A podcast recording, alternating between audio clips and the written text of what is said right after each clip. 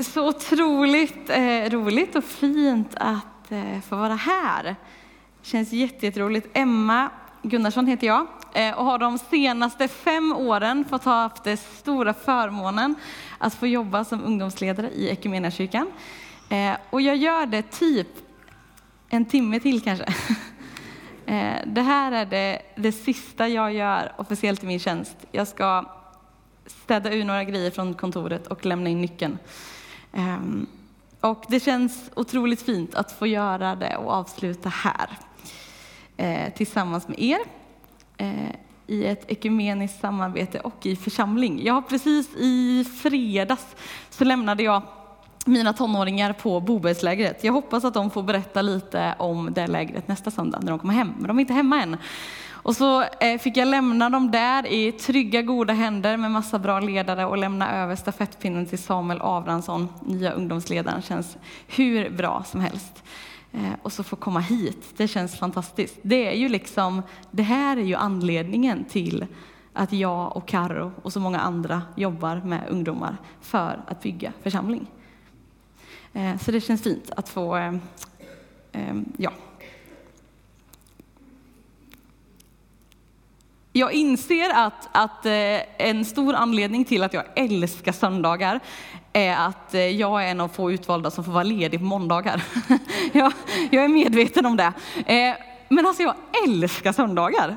Alltså det finns någonting med söndagen som är så gott. Alltså jag älskar att gå på gudstjänst och så älskar jag det här goa efterhänget som blir vid kyrkfikat och att få hänga med någon kompis hem och äta lunch efteråt eller bara ligga i soffan och vila lite och bara få ta det lugnt liksom.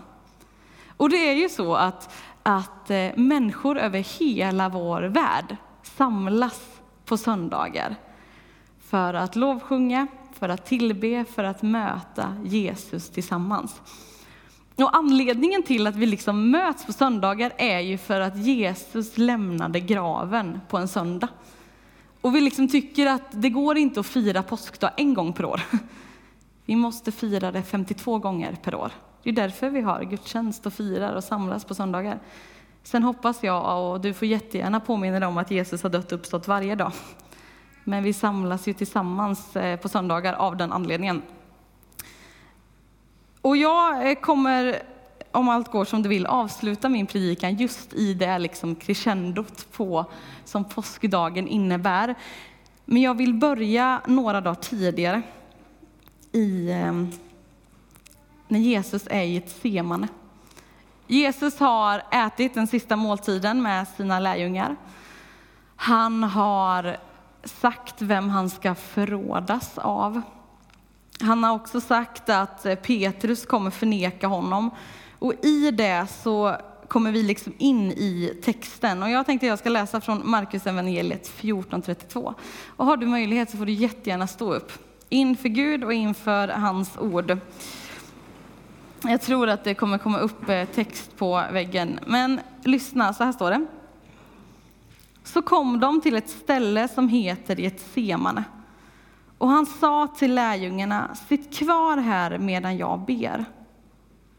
Men han tog med sig Petrus, Jakob och Johannes. Och bävan och ångest kom över honom och han sa till dem, min själ är bedrövad ända till döds. Stanna här och vaka. Han gick, han gick lite längre bort, föll ner på marken och bad att få slippa denna stund om det var möjligt. Och han sa, Abba, Fader, för dig är allting möjligt. Ta denna bägare från mig, men inte som jag vill, utan som du vill. Och när han kom tillbaka så fann han att de sov. Och han sa till Petrus, Simon, sover du? Orkade du inte hålla dig vaken en enda timme? Vaka och be att ni inte utsätts för prövning. Anden vill, men kroppen är svag. Så gick han bort igen och bad med samma ord. Och när han kom tillbaka fann han igen att de sov. De kunde inte hålla ögonen öppna och de visste inte vad de skulle svara. För tredje gången kom han tillbaka och då sa han, ja ni sover och vilar er, det räcker nu, stunden är inne, Människosonen ska överlämnas i syndarnas händer. Stig upp, låt oss gå, här kommer han som ska förråda mig. Jesus, tack för den här dagen. Jesus, tack att vi får samlas tillsammans på söndag, upphöja ditt namn och påminna oss om att du lämnade graven. Att du dog och uppstod för den här världens skull. Jesus, nu ber jag att du ska öppna våra hjärtan för det du vill säga till oss idag. Jesus, vi kommer och vi är samlade här och har liksom haft olika veckor. Ehm, vi kommer med olika saker. Men Jesus, oavsett vad som händer runt omkring så ber jag att vi ska få fokus på dig nu, vad du vill säga.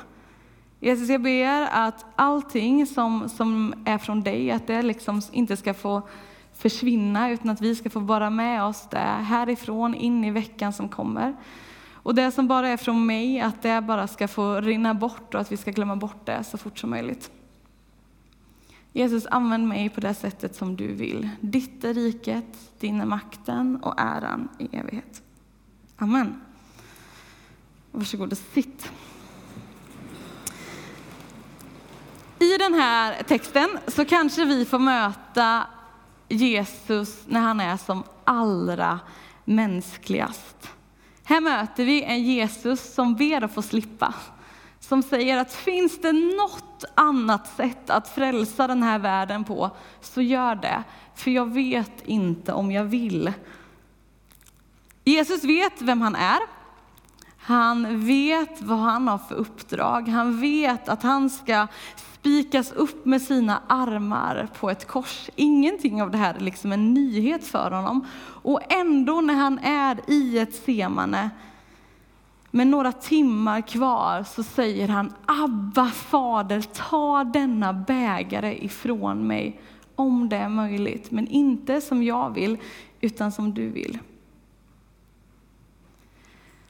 Och jag tror inte att grunden till att Jesus ber den här bönen är för att han på något sätt har ångrat sig.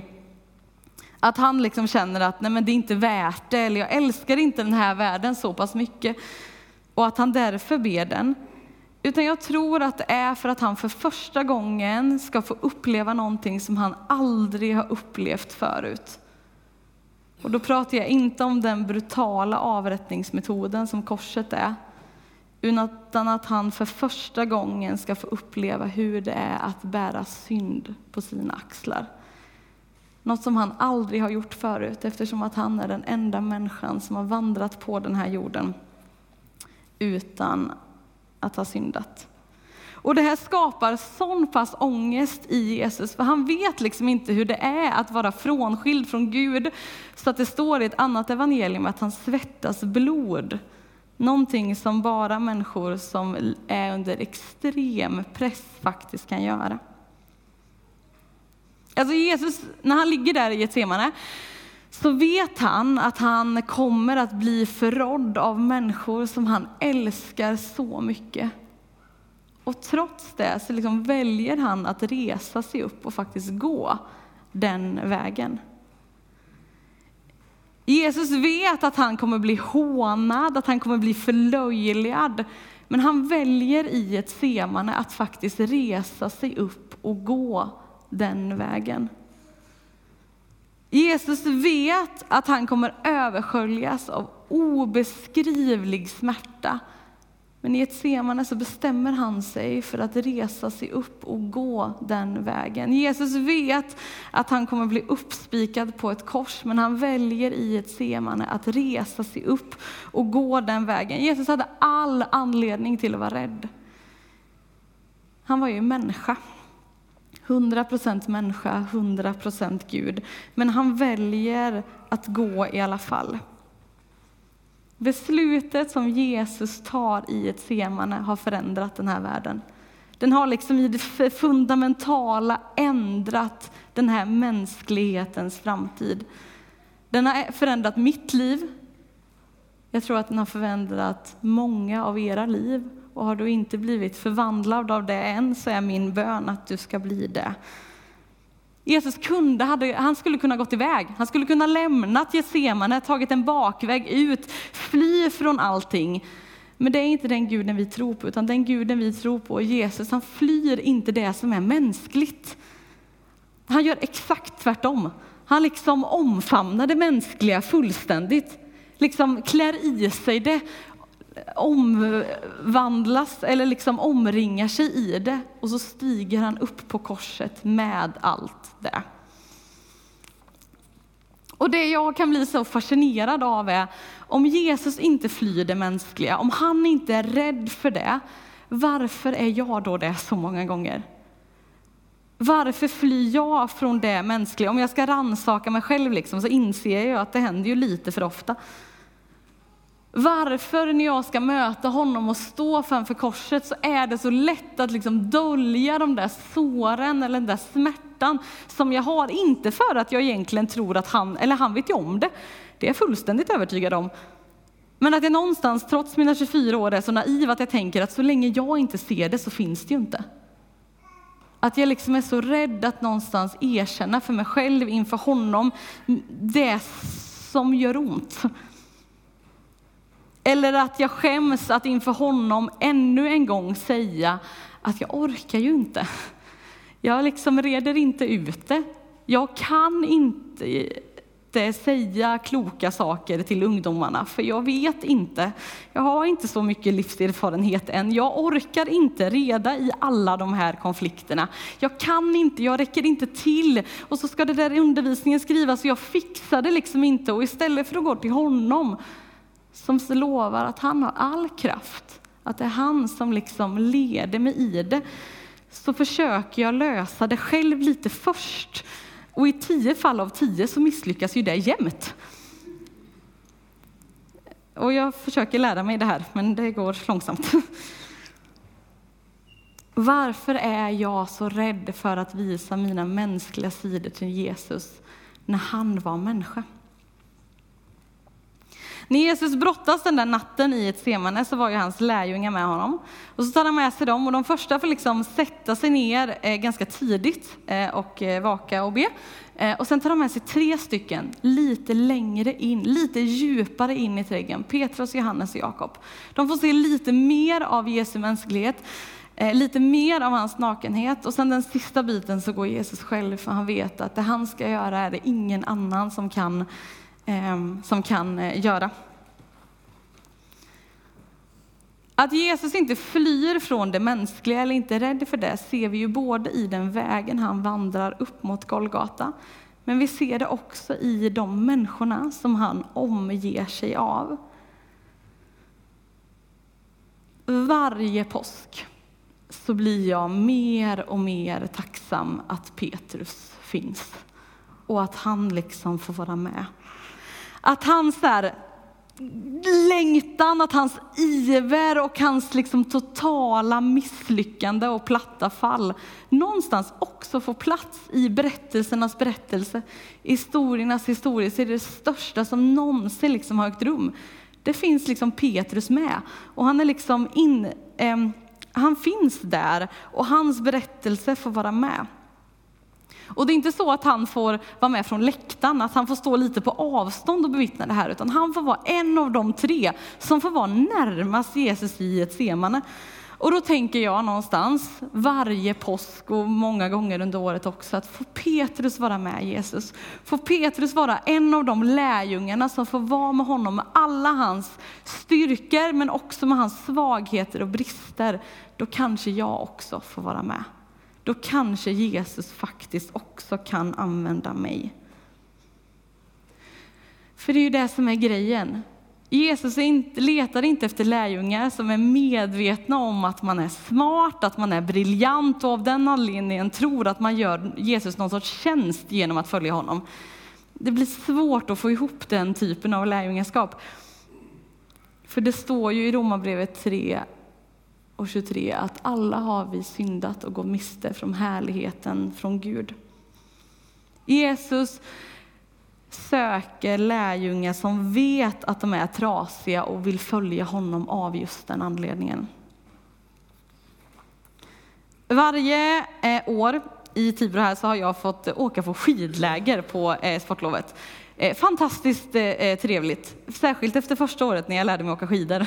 Sen dess har det varit roligare. Och, ehm, alltså det första lägret blev så bra. Det första lägret eh, fick betyda jättemycket för mig eh, och att Gud liksom la ut riktning i mitt liv där. Så att inför andra året så var jag så sjukt pepp på det här lägret. Alltså jag såg så mycket fram emot det. Och vi började planera i september och greja och fixa och jag hade så stor förväntan till det här lägret tills några dagar innan. För de där veckorna mellan nyår och sportlovet hade gått alldeles för fort och jag hade liksom inte hunnit med någonting av det jag skulle göra. Och även om det kändes som att jag levde skidläger hela veckan innan och jag bara jobbade och jobbade och jobbade så kändes det som att jag inte fick någonting gjort. Och i alla de där liksom praktiska detaljerna och listorna som skulle skrivas så var det ju också de där två predikningarna det som jag hade sett fram emot tills de där två tomma Word-dokumenten dyker upp på datorn. Och det enda jag tänker är att jag vill inte, jag orkar inte. Hur kan man snabbast hitta på en anledning till att inte få åka med? Bräckligare kärl får man någonstans leta efter, för jag tyckte ju och tycker så vansinnigt mycket om de här ungdomarna. Och jag ville att de skulle få sina liv förvandlade av Jesus. Och någonstans så trodde jag att det också hängde på mig att det skulle ske. För jag tyckte ju så mycket om de här lärju, eh, lärjungarna, äh, ungdomarna, det är ju några av dem också. Men eh, jag tyckte ju så mycket om de här ungdomarna.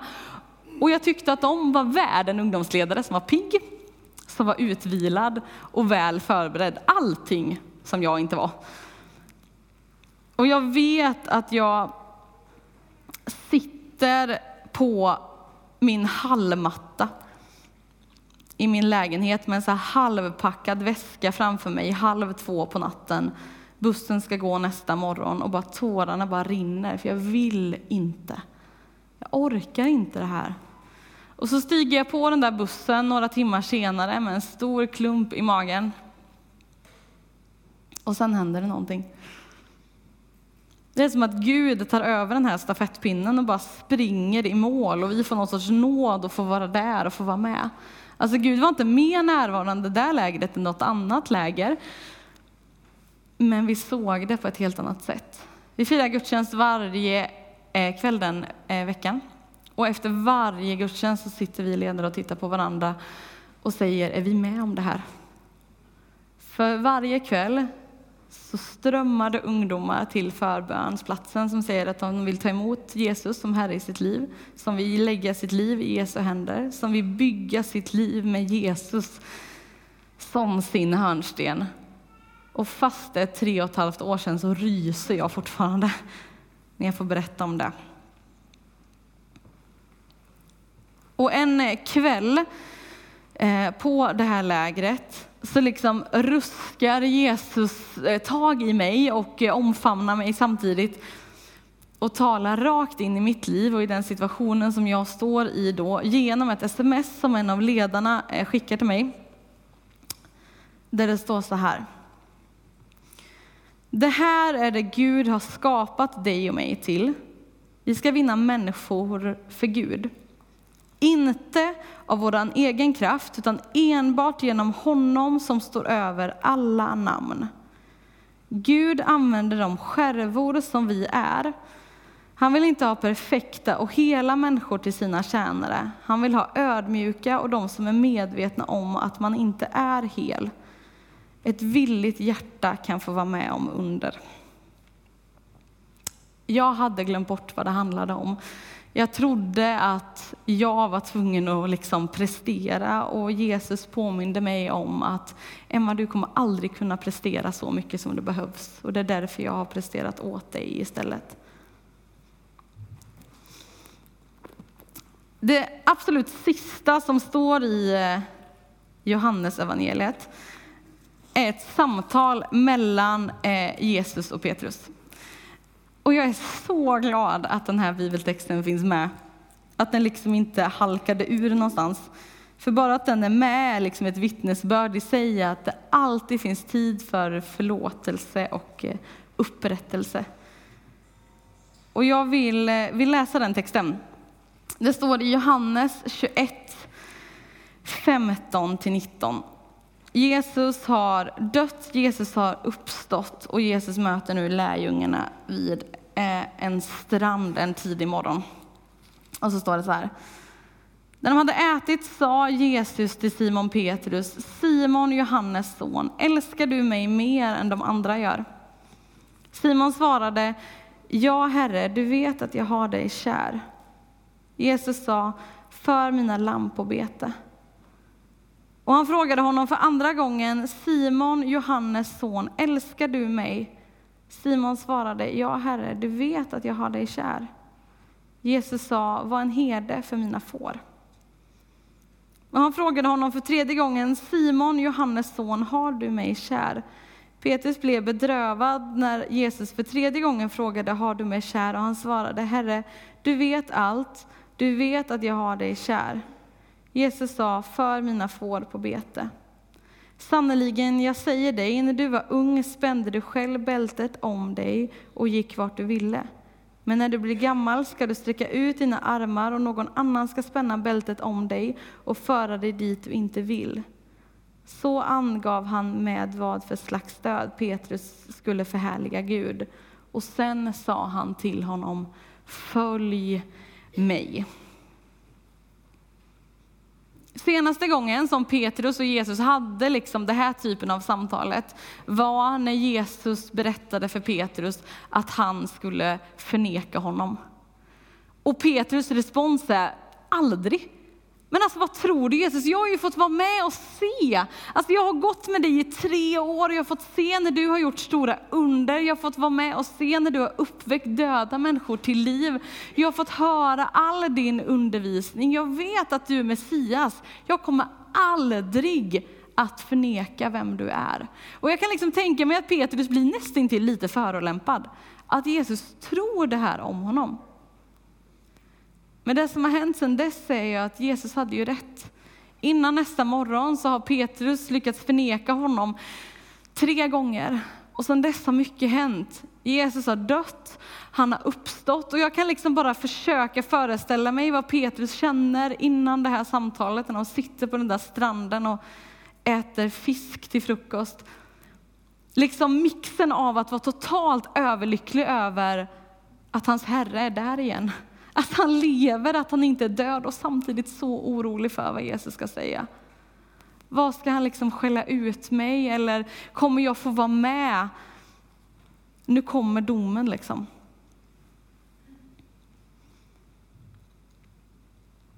Men Jesus börjar liksom inte gräva i vad som har hänt, utan han ställer en fråga tre gånger. Älskar du mig, Petrus? Och Petrus får säga ja på den frågan tre gånger. Vid en koleld för några dagar sedan så förnekar Petrus sin mästare, sin herre, sin Messias. Och vid en annan eld på en strand får han bekänna igen.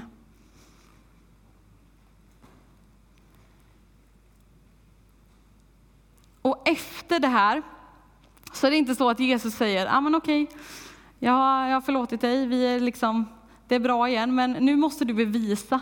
Nu får du liksom ändå visa att du menar allvar med att följa mig och eh, så får vi se vad jag ger dig för uppdrag sen. Nej, Jesus, han gör inte så. Utan efter Petrus har liksom bekänt tre gånger så lägger han sitt arv budskapet om att berätta för dig och mig vem han är, vad han har gjort för hela den här världen i Petrus bräckliga, trasiga, misslyckade händer. Och så säger han, du är klippan. Det är på dig min kyrka ska byggas. Det är den guden som vi tror på, som vi får bekänna oss till, som reser oss upp lika många gånger som vi har misslyckats, som inte liksom vänder våra svagheter och trycker upp dem i ansiktet och använder det mot oss, utan använder våra svagheter för att hans ljus ska lysa genom våra sprickor. Min eh, eh bön för den här gudstjänsten är att du ska få vara stolt över den som Gud har skapat dig till. För han är så nöjd med sin skapelse. Och att du liksom ska få visa att så här, det här är jag liksom, och att det är ett vittnesbörd i sig. Och har du liksom eh, sår eller ärr i ditt liv, att du också får använda dem och peka på Jesus. Att mitt liv har varit så här. Men jag tror på en Gud som har gjort goda saker i mitt liv. Och han kan göra det som kanske för någon annan ser ut att vara sprickor eller trasigt. I det så vill jag att hans ljus liksom ska få lysa igenom. Och kanske är du i en situation där det är svårt att se. Där det är svårt att se att hur kan liksom Gud göra någonting vackert vackert av det som är just nu känns liksom så trasigt. Men det står ju att för honom är ingenting omöjligt.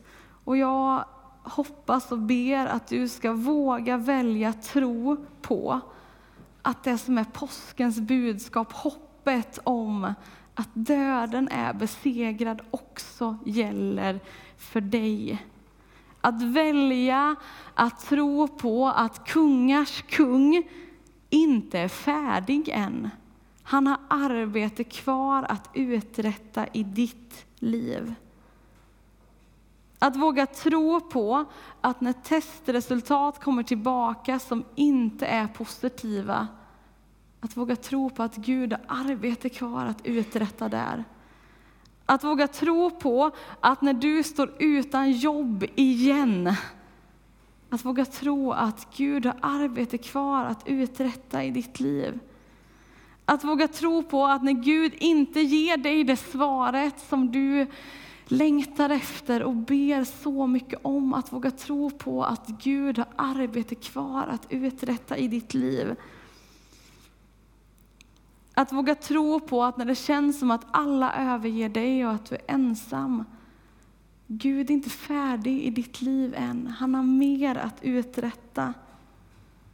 Eller när smärtan är överväldigande och du vill ge upp, att våga tro på och hålla fast att Gud är inte färdig än. Han har mer saker att uträtta i ditt liv.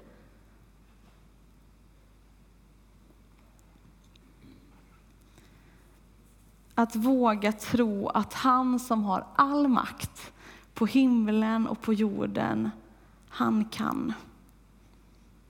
Vi ber.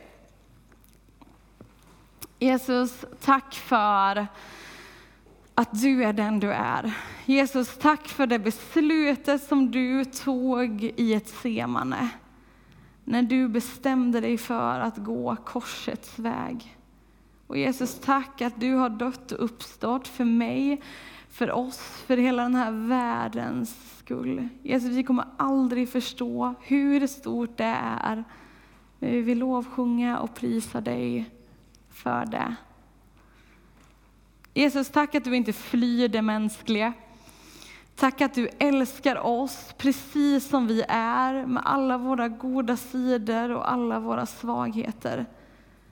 Jesus, tack att du är Gud och för dig är ingenting omöjligt, att du kan använda oss för att sprida ditt ljus i den här världen. Jesus, du vet vad vi behöver. Du vet vår djupaste längtan, vad vi, vad vi är i behov av. Jesus, jag ber att du ska komma och möta oss just nu, just idag, med det vi behöver. Jesus, fyll på oss av din kärlek. Välsigna oss och våra liv. Amen.